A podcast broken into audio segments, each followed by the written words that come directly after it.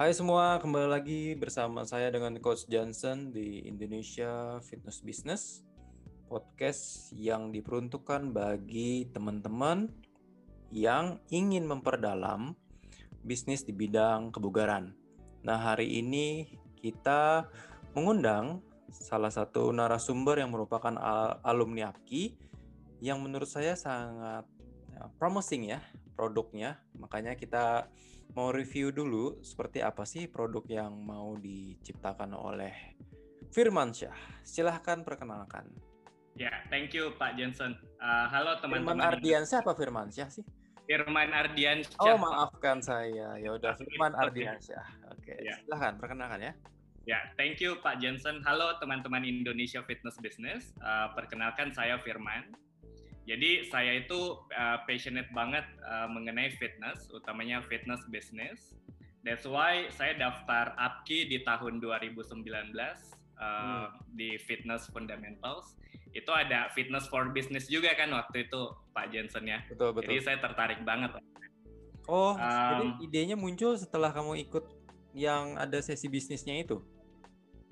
Iya pasti, makanya waktu itu kayaknya dari semua itu itu yang menurut saya paling menarik. Triggernya ya. Oke. Okay. Wow. Iya. Unexpected. Oke, silahkan ya. perkenalkan, lanjut. Ya. Selain itu, uh, saya juga pernah uh, ngajar di functional training studio. Uh, bisa hmm. dibilang masih pemula, tapi hmm. karena saya suka, jadi uh, masih belajar terus gitu. Ini okay. juga masih part time. Uh, doakan saja nanti bisa full time Pak Jensen.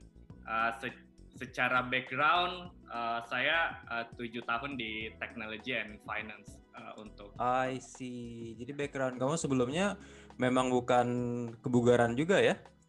Benar, benar Pak Jensen. Hmm, Tapi kesibukannya apa nih? Kesibukan sekarang ya uh, masih bekerja di perusahaan fintech, uh, terus lagi lanjut S2 juga manajemen di UI, mumpung nice. lagi online, terus lagi ngerjain fit quarters.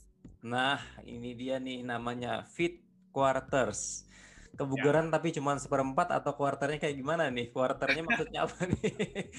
Jadi sebelum kita ngomongin tentang isi dari fit quarters, kenapa namanya fit quarters? Ya, sebenarnya sih uh, itu eh, headquarter gitu kali ya? Ya, terinspirasi dari headquarters uh, karena ini lebih mengarah ke fitness business gitu. Jadi apa ya yang cocok ya? Kayaknya fit quarters gitu. Oh, ya okay, itu lalu ini kan fit quarters ada S-nya nih. Berarti banyak dong nanti nih cabangnya. Amin. Amin amin. Jadi harapannya bisa bantu banyak okay. banyak nah, apa sih sebenarnya uh, secara uh, ini aja deh elevator pitch? Dalam tempo beberapa detik aja tolong jelaskan fit quarters itu apa Wow, ya. Yeah. 20 second. Itu um, simple uh, gym and studio software. Jadi kita berusaha bantu uh, gym owners atau fitness founders uh, kelola bisnisnya gitu. Berarti harus punya bisnis dulu dong? Uh, Iya, bisnis. Jadi semua bisnis pak. Jadi uh, kecil, personal trainer besar itu bisa gitu. Personal trainer? personal trainer juga bisnis kan mereka punya members ah oke okay. Oke okay, oke. Okay. nah sebelum kita masuk nih ke fitur-fitur yang dimiliki oleh Fit Quarters kenapa? Kenapa tiba-tiba terpikir untuk menciptakan Fit Quarters ini?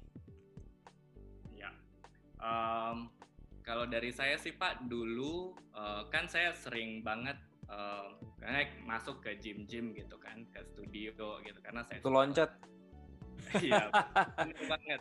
Coba sini coba sana iya betul pak jadi waktu jadi um, selama saya coba-coba itu saya juga belajar gitu proses journey-nya saya masuk ketika mendaftar terus coba kelasnya coba program yang saya offer nah dari situ ada tiga masalah yang saya lihat yang utama. Pertama dari sisi uh, member membership management, terus terus kedua dari kelas management, terus ketiga dari segi uh, finance managementnya.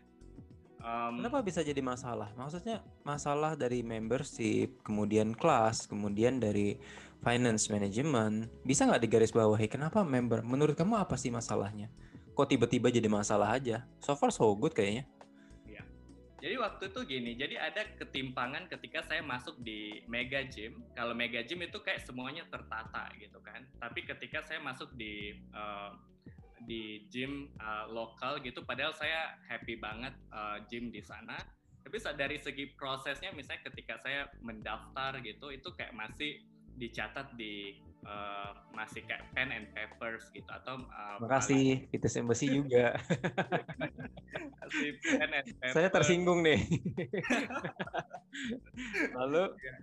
Pen and papers. Terus atau kalau mas uh, atau bagusnya juga masih Microsoft Excel gitu pak tapi saya dilihat situ kayak adminnya gitu kayak kayak bukunya tuh kayak tebal banget gitu kan. Uh, terus kalau misalnya saya mau uh, apa uh, check in gitu itu kayak uh, dia ada bukunya terus kayak dibuka gitu. Jadi itu kayak saya bilang, aduh kira-kira apa yang saya bisa bantu ya supaya bisnisnya lebih digital gitu. Jadi prosesnya lebih lebih mudah juga ke depannya. Hmm. Kalau kita sih sebenarnya lihat itu bukan masalah ya, atau mungkin kamu cari-cari ke masalah kita nih. Iya, iya. Karena kita nggak merasa itu masalah, tapi memang benar sih impractical, but it's not problem. Iya, iya. Differentiate between impractical and problems. Iya, iya. Ini kan saya sebagai studio owner membela diri nih. tapi memang sih ya, mentok-mentoknya adalah Excel.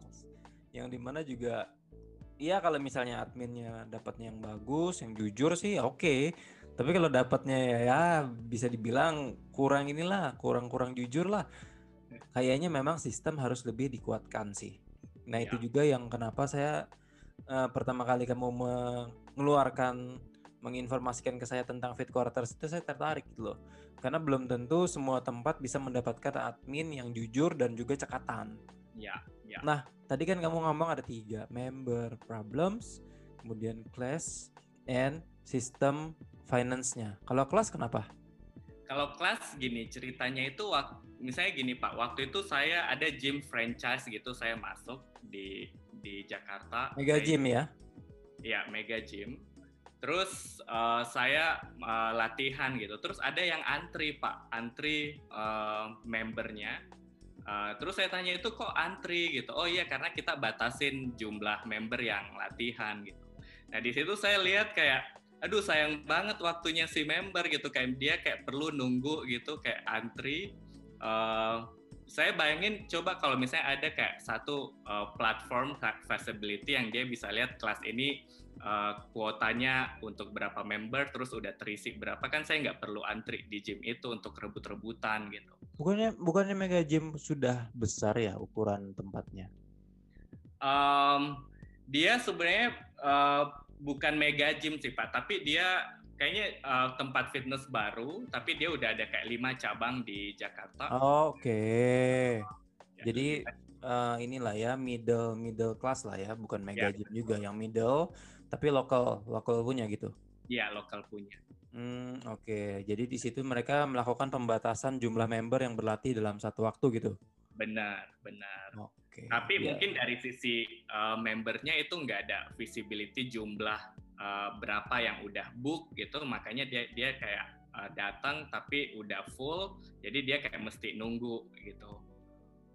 I see. Tapi kan bukannya gini, di saat saya membayarkan keanggotaan bulanan, bukankah saya sudah mendapatkan privilege bisa datang kapan aja? Iya, itu kalau misalnya jadi gym itu kan ada yang uh, open gym, terus ada juga kalau misalnya saya lagi um, apa lagi nggak semangat gitu untuk latihan sendiri, saya kan perlu masuk kelas gitu. Nah untuk masuk kelas itu ada perlu booking juga Pak Jensen. Jadi uh, saya harus jadi sekarang itu prosesnya saya harus tanya adminnya lewat WhatsApp gitu uh, eh ini saya mau uh, saya mau latihan misalnya uh, yoga atau zumba gitu uh, ini kuotanya berapa gitu? Atau masih masih ada masih ada masih bisa nggak saya masuk gitu? Atau masih masih ada available slot nggak? Nah itu yang hmm. masalah-masalah yang saya lihat juga pak di lapangan. Soalnya kan kita terbiasa dengan yang maaf kata ya kita tidak tidak terbiasa dengan namanya keteraturan. Contoh lah seperti gym sampai mungkin sampai detik ini bukan sampai detik ini ya masih berlangsung lah kasarnya bahwa kalau misalnya saya mau nge-gym ya saya tinggal datang ke gym. Kemudian kalau saya mau ikut kelas ya saya langsung ikut kelas aja gitu loh. Ya. walaupun di ya kalau mungkin di PSBB sudah berubah ya dengan adanya pandemi ini. Tapi kan sebelum sebelumnya adalah uh, I come when I want gitu loh and I join when I want gitu loh. Apakah nanti ke depannya harus ada sistem booking dulu? Hmm, tapi saya tanya beberapa teman saya Pak yang suka ikut kelas, tapi sebelum pandemi juga memang harus ada proses booking. Tapi proses bookingnya itu yang mereka lakukan sekarang masih manual gitu, kayak masih tanya tanya jawab ke uh, admin lewat WhatsApp gitu. Mega Gym. Um, um, middle juga Pak, middle bukan bukan Mega Gym. I see, I see. Interesting. Mudah-mudahan ya ke depan dengan dengan adanya sistem booking ini bisa membuat member menjadi lebih convenient gitu lah. Jadi mereka tidak menghabiskan waktu atau malah uh, desak-desakan di dalam kelasnya gitu kan ya. Benar. Kalau Mega Gym sih Pak, uh, waktu itu kan saya juga member Mega Gym uh, sampai sekarang gitu. Dulu waktu sebelum pandemi, mungkin karena kelas yang available itu banyak gitu. Jadi enggak misalnya kalau kelas yang A udah full saya bisa masuk ke kelas yang B gitu. Jadi enggak ada masalah. Tapi yang bermasalah adalah uh, middle middle ini gitu. Uh, jadi misalnya dia hanya punya satu kelas terus membernya banyak. Jadi dia harus ada kayak proses tanya jawab antara admin dan member untuk uh, available slot. Ya, yeah, very impractical ya. Apalagi dengan dengan uh, kasarnya kalau gym-gym yang middle itu belum tentu studionya besar gitu loh. Yeah. Ada ada kapasitasnya kan. Betul. Waduh, ya memang ini bisa menjadi ini sih akan menjadi problematik ke, ke depannya. Nah, untuk finance system sendiri maksud kamu gimana? Kalau finance mungkin lebih spesifiknya ke payroll ya Pak ya. Jadi biasanya admin pada akhir bulan udah mau tutup bulan kan uh, dia harus uh, apa uh, bikin uh, laporan, laporan gitu. ya. kayak uh, untuk uh, salary trainer berapa gitu. Terus untuk uh, ya contohnya seperti itu. Nah, itu kan masih manual semua juga gitu. Gimana kalau ada sistem itu udah terdigitalisasi semua sama ini juga ya. Ya. Tracking tracking membership kapan habis, kemudian sesi sisa berapa gitu. Kapan aja si A ini datang ke gym gitu kan mungkin nih kali ya. Iya, betul, Pak. Jadi dari awal masuk terus dia uh, apa check in. Jadi itu semua udah tercount secara sistem. Jadi di akhir bulan udah ada semua tempat-tempatnya gitu. Ya sih, memang beda dengan Mega Gym ya, di mana mereka punya gateway, harus pakai kartu untuk buka keluar masuk itu kan sebenarnya semuanya jadi jadi tercatat gitu loh. Nah itu yang tidak kita miliki di gym-gym yang yang lokal, yang middle gitu loh. Mungkin ya semoga dengan adanya uh, fit quarters ini bisa membantu. Nah kita dari tadi ngomongin tentang masalah yang kamu temuin di fit quarter sendiri solusi apa yang diberikan kepada kami para penggunanya baik individual maupun uh, korporasi bukan korporasi peng, pemilik pengusaha di bidang kebugaran. Ya, uh, jadi tadi kalau misalnya kita bahas masalahnya, nah apa yang bisa kita uh, carikan solusinya adalah pertama dari sisi uh, bisnisnya. Um, berarti uh, saya lihat misalnya ada kebutuhan misalnya uh, satu software uh, yang bisa diakses oleh uh, para pebisnis untuk uh, manage uh, membernya. Gitu.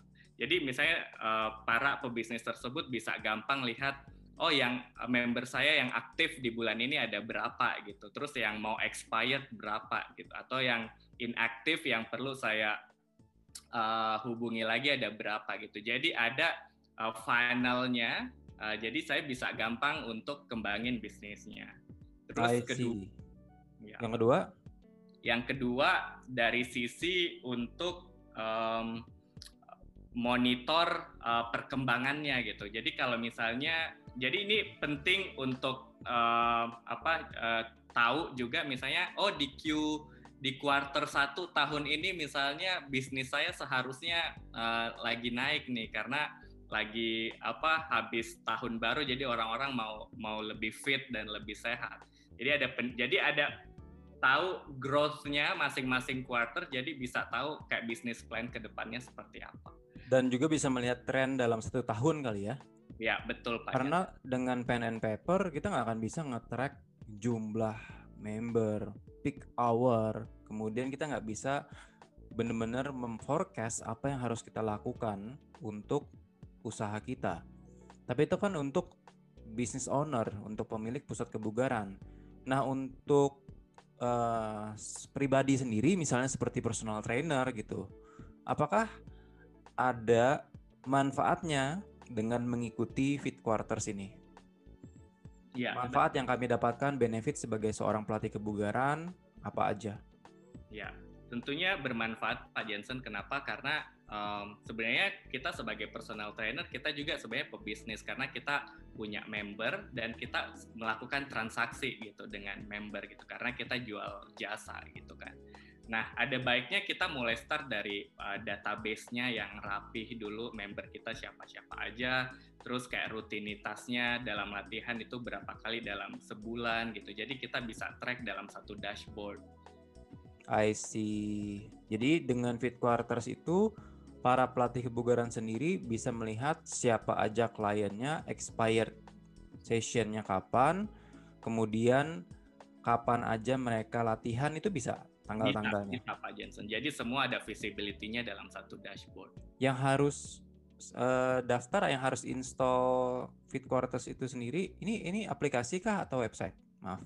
Jadi ini ada ada beberapa page Pak untuk uh, launch-nya. Jadi kita pertama kita uh, kayak berupa dashboard gitu, jadi bisa diakses lewat um, apa di di Internet Explorer atau Chrome gitu kan. Jadi nanti dikasih aksesnya.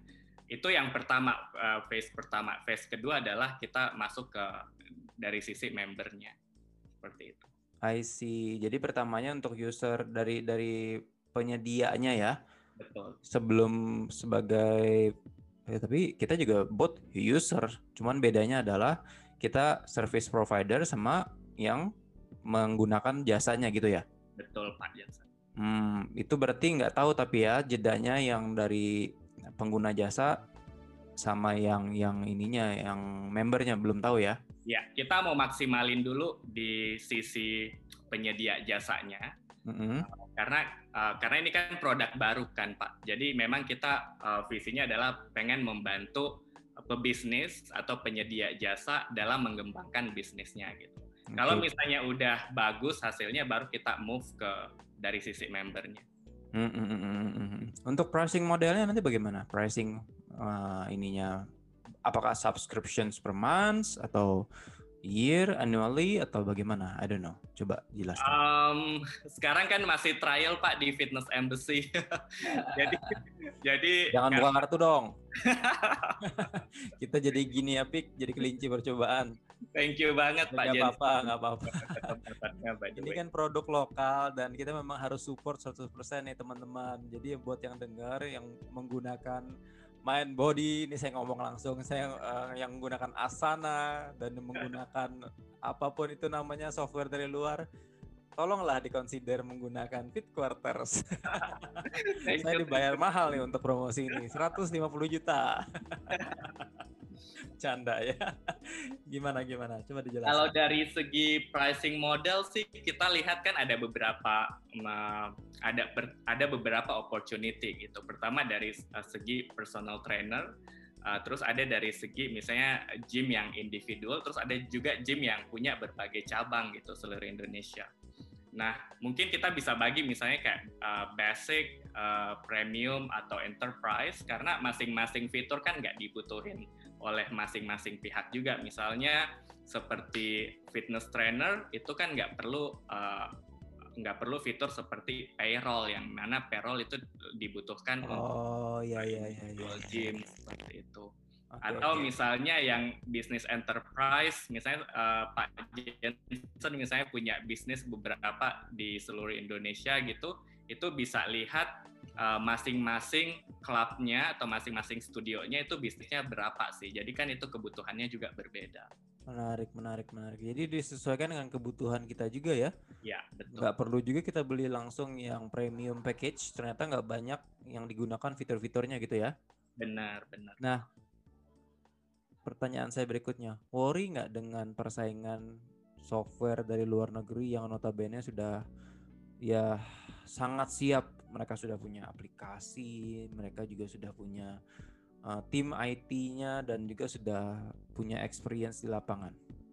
Ya, sebenarnya sih um, nggak worry sih Pak. Malah saya jadikan itu sebagai uh, benchmark karena mereka sebenarnya kalau kita lihat di Indonesia ya Pak, di Indonesia itu playernya sebenarnya datang dari luar semua gitu. Jadi uh, contohnya yang Bapak tadi sebut misalnya kayak Mind and Body, terus kayak ada Glovox, itu semuanya dari uh, luar gitu. Sedangkan di lokal itu enggak ada. Ada beberapa um, uh, masalah gitu. Saya saya kebetulan waktu itu coba untuk daftar gitu kan uh, beberapa aplikasi tapi yang onboard saya itu um, orang asing gitu karena nggak ada lokal representatifnya. Padahal untuk onboard uh, aplikasi seperti ini tuh dibutuhkan edukasi, training untuk fitur-fiturnya karena ini teknologi kan. Jadi ada hal yang um, miss yang nggak dimiliki oleh aplikasi-aplikasi yang didirikan di luar negeri. Maksudnya ini language barrier atau bagaimana? Ya pertama language barriers, kedua dari segi user interface-nya juga itu nggak nggak disesuaikan dengan local people kita pak, seperti itu. I see, I see, I see, I see. Berarti nggak worry ya. Nah, kalau untuk lokal sendiri, apakah ada yang sudah melakukan apa yang kamu lakukan ini? Uh, so far sih kalau saya lihat, kalau Mega Gym itu pasti mereka udah rekrut uh, their dedicated team untuk uh, build their own uh, system gitu. Tapi sekarang uh, mostly di Indonesia kayaknya uh, lebih ke gimana mereka bawa traffic baru ke gym, tapi bukan untuk nge, uh, membantu ngebedahin pengelolaan bisnis gymnya seperti itu. Kelas plus gitu ya, seperti kelas plus gitu. Ya. Oke hmm, oke, okay, okay. jadi lebih kayak jualan kelas di software mereka gitu, di aplikasi mereka gitu ya? Ya betul. Oke, nah jadi kalau kita ada gym adalah bantu untuk kelola uh, bisnis pengelolaannya dari segi ya. manajemennya ya. Oke, nah kalau misalnya ada yang tertarik nih, bisa ngubungin ke mana nih? Uh, kita juga baru buka our Instagram di fitquarters.id. Kita juga ada email di fitquarters.id@gmail.com. Jadi silahkan reach out aja. Kita open untuk discussion. Kita mau tahu juga masalah-masalah yang ada di klub. Karena masih proses belajar Pak Jensen. Oke, plan jangka panjangnya apa? Plan jangka panjangnya adalah jangka pendek uh, dulu deh. Gak usah jauh-jauh, jangka pendek dulu. Bener, jangka pendeknya sebenarnya kita mau pasti kapan ini launch gitu kan. Sekarang kan masih trial gitu. Um, saya simple aja sih Pak Jensen, gimana aplikasi ini bisa bermanfaat untuk um, para uh, fitness founders, gym owners atau personal trainer. Uh, jadi bisnisnya mereka bisa jalan dengan efektif, efisien dan bisa mereka kembangkan lebih baik lagi. Jadi fitness industri kita di Indonesia bisa jauh lebih berkembang Pak dengan bantuan. Menarik, menarik, menarik. Ini deh, kalau kapan mau launching kasih tahu kita nanti bisa live IG live atau Zoom uh, live dengan Apki deh. Nanti kita bisa bantu uh, launching virtual maupun langsung bebas ya. Siap aja. Kasih tahu kita. Nah, uh, ini apa saran untuk para pebisnis di bidang kebugaran, baik trainer maupun yang sudah memiliki pusat kebugaran? Ya, uh, mungkin dari saya karena saya juga belajar juga Pak Jensen. Jadi ada dua hal sebenarnya uh, PR-nya. Satu adalah uh, produk atau program yang kita offer ke ke member is one thing gitu, tapi ada hal juga yang krusial yang harus kita perhatikan yaitu business fundamentals. Business fundamentals ini adalah gimana ngatur finance-nya, proses onboarding member, proses gimana mereka bisa loyal. Nah, itu harus dibutuhkan sebuah digital technology, satu platform yang yang bisa tahu growth-nya. Jadi kita jadi kita bisa melakukan evaluasi. Nah, tanpa itu kita nggak bisa evaluasi gimana cara bikin bisnis plan yang lebih baik, marketing plan yang lebih baik, seperti itu Pak. Ya tentunya orang mau kalau buka usaha mau sukses ya, kita juga nggak bisa mengharapkan dari kemampuan melatih yang bagus aja pastinya dengan adanya fit quarters ini akan sangat membantu sekali baik pebisnis yang individual, pemula maupun yang sudah expert ya atau yang sudah lama di bidang kebugaran gitu kan ya, Firman ya? Betul Pak Jansen. Apa uh, ucapan mungkin ada pesan terakhir untuk para pendengar? Boleh, um, boleh promo lagi loh. promo mulu. Um, paling um, karena sekarang masih uh, eh, PSBB ya Pak ya, masih pandemi gitu. Jadi saya harapin semua uh, bisnis uh, para gym owner, fitness trainers, founders itu tetap semangat. Um, semoga Fit Quarters uh, bisa menjadi um, solusi, bisa bantu juga. Amin, amin, amin, amin. Amin. Uh, ya kita uh, kita tunggu untuk bisa diskusi lebih panjang juga apa yang kita bisa bantu dari para pebisnis. Luar biasa. Kalau dari saya sendiri, saya sangat berharap kalau Fit Quarters ini bisa berkembang setidaknya untuk ya nggak usah jauh-jauh deh dari Jakarta dulu lah, di mana mereka uh, Fit Quarters ini berbasis ya. Tapi harapannya nanti juga bisa menjangkau teman-teman kita yang di pelosok-pelosok daerah, terutama yang di kota-kota kecil, mampu menggunakan fit quarters sebagai sistem manajemen di bidang kebugaran, usaha kebugaran mereka. Itu sih harapan saya. Amin, Amin. juga deh. Ya. Nah, itu dia teman-teman uh, sangat inspiratif ya apa yang mau dikerjakan oleh uh, coach Firman. Tentunya ini bukan hal yang mudah karena tidak ada benchmark yang jelas di Indonesia, kemudian juga belum tentu masyarakat atau pelaku bisnis kebugaran merasa membutuhkan ini. Seperti yang saya bilang tadi kan uh, impractical tapi kita tidak melihat itu seperti suatu masalah gitu. Jadi di saat seseorang masih belum bisa melihat itu adalah suatu kebutuhan tentunya akan menjadi challenge untuk Coach Firman bisa meyakinkan teman-teman sekalian. Nah saya cuma ingin meminta uh, memelas lah kasar memohon kepada pendengar untuk setidaknya walaupun bukan user dari Fit Quarters bisa membantu menyebarkan berita baik ini bahwa ini loh ada seorang anak Indonesia yang memiliki karya di bidang kebugaran yang sangat jarang sekali one of a kind ya benar-benar belum pernah ada mencoba untuk men-challenge keraguannya, mencoba untuk men-challenge masa depan mempertaruhkan masa depannya di produk ini. Saya cuma bisa mengucapkan uh, good luck untuk Firman, ya. ya dan dan nggak ada lagi yang mau disampaikan? Cukup? Gak ada lagi Pak. Oh, ya, saya kira mau promosi lagi. kerja mesti kerja lagi untuk ngerjain produknya biar. Mantap. Ini ini jadi jadi langsung termotivasi untuk finalisasi nih pasti. Bener bener pressure ini pressure. Baik, good pressure. EU stress. Bagus bagus. Ya udah, itu dia teman-teman sekalian. Semoga bermanfaat dan jangan lupa nantikan episode kami berikutnya. Terima kasih dan salam bugar. Bye.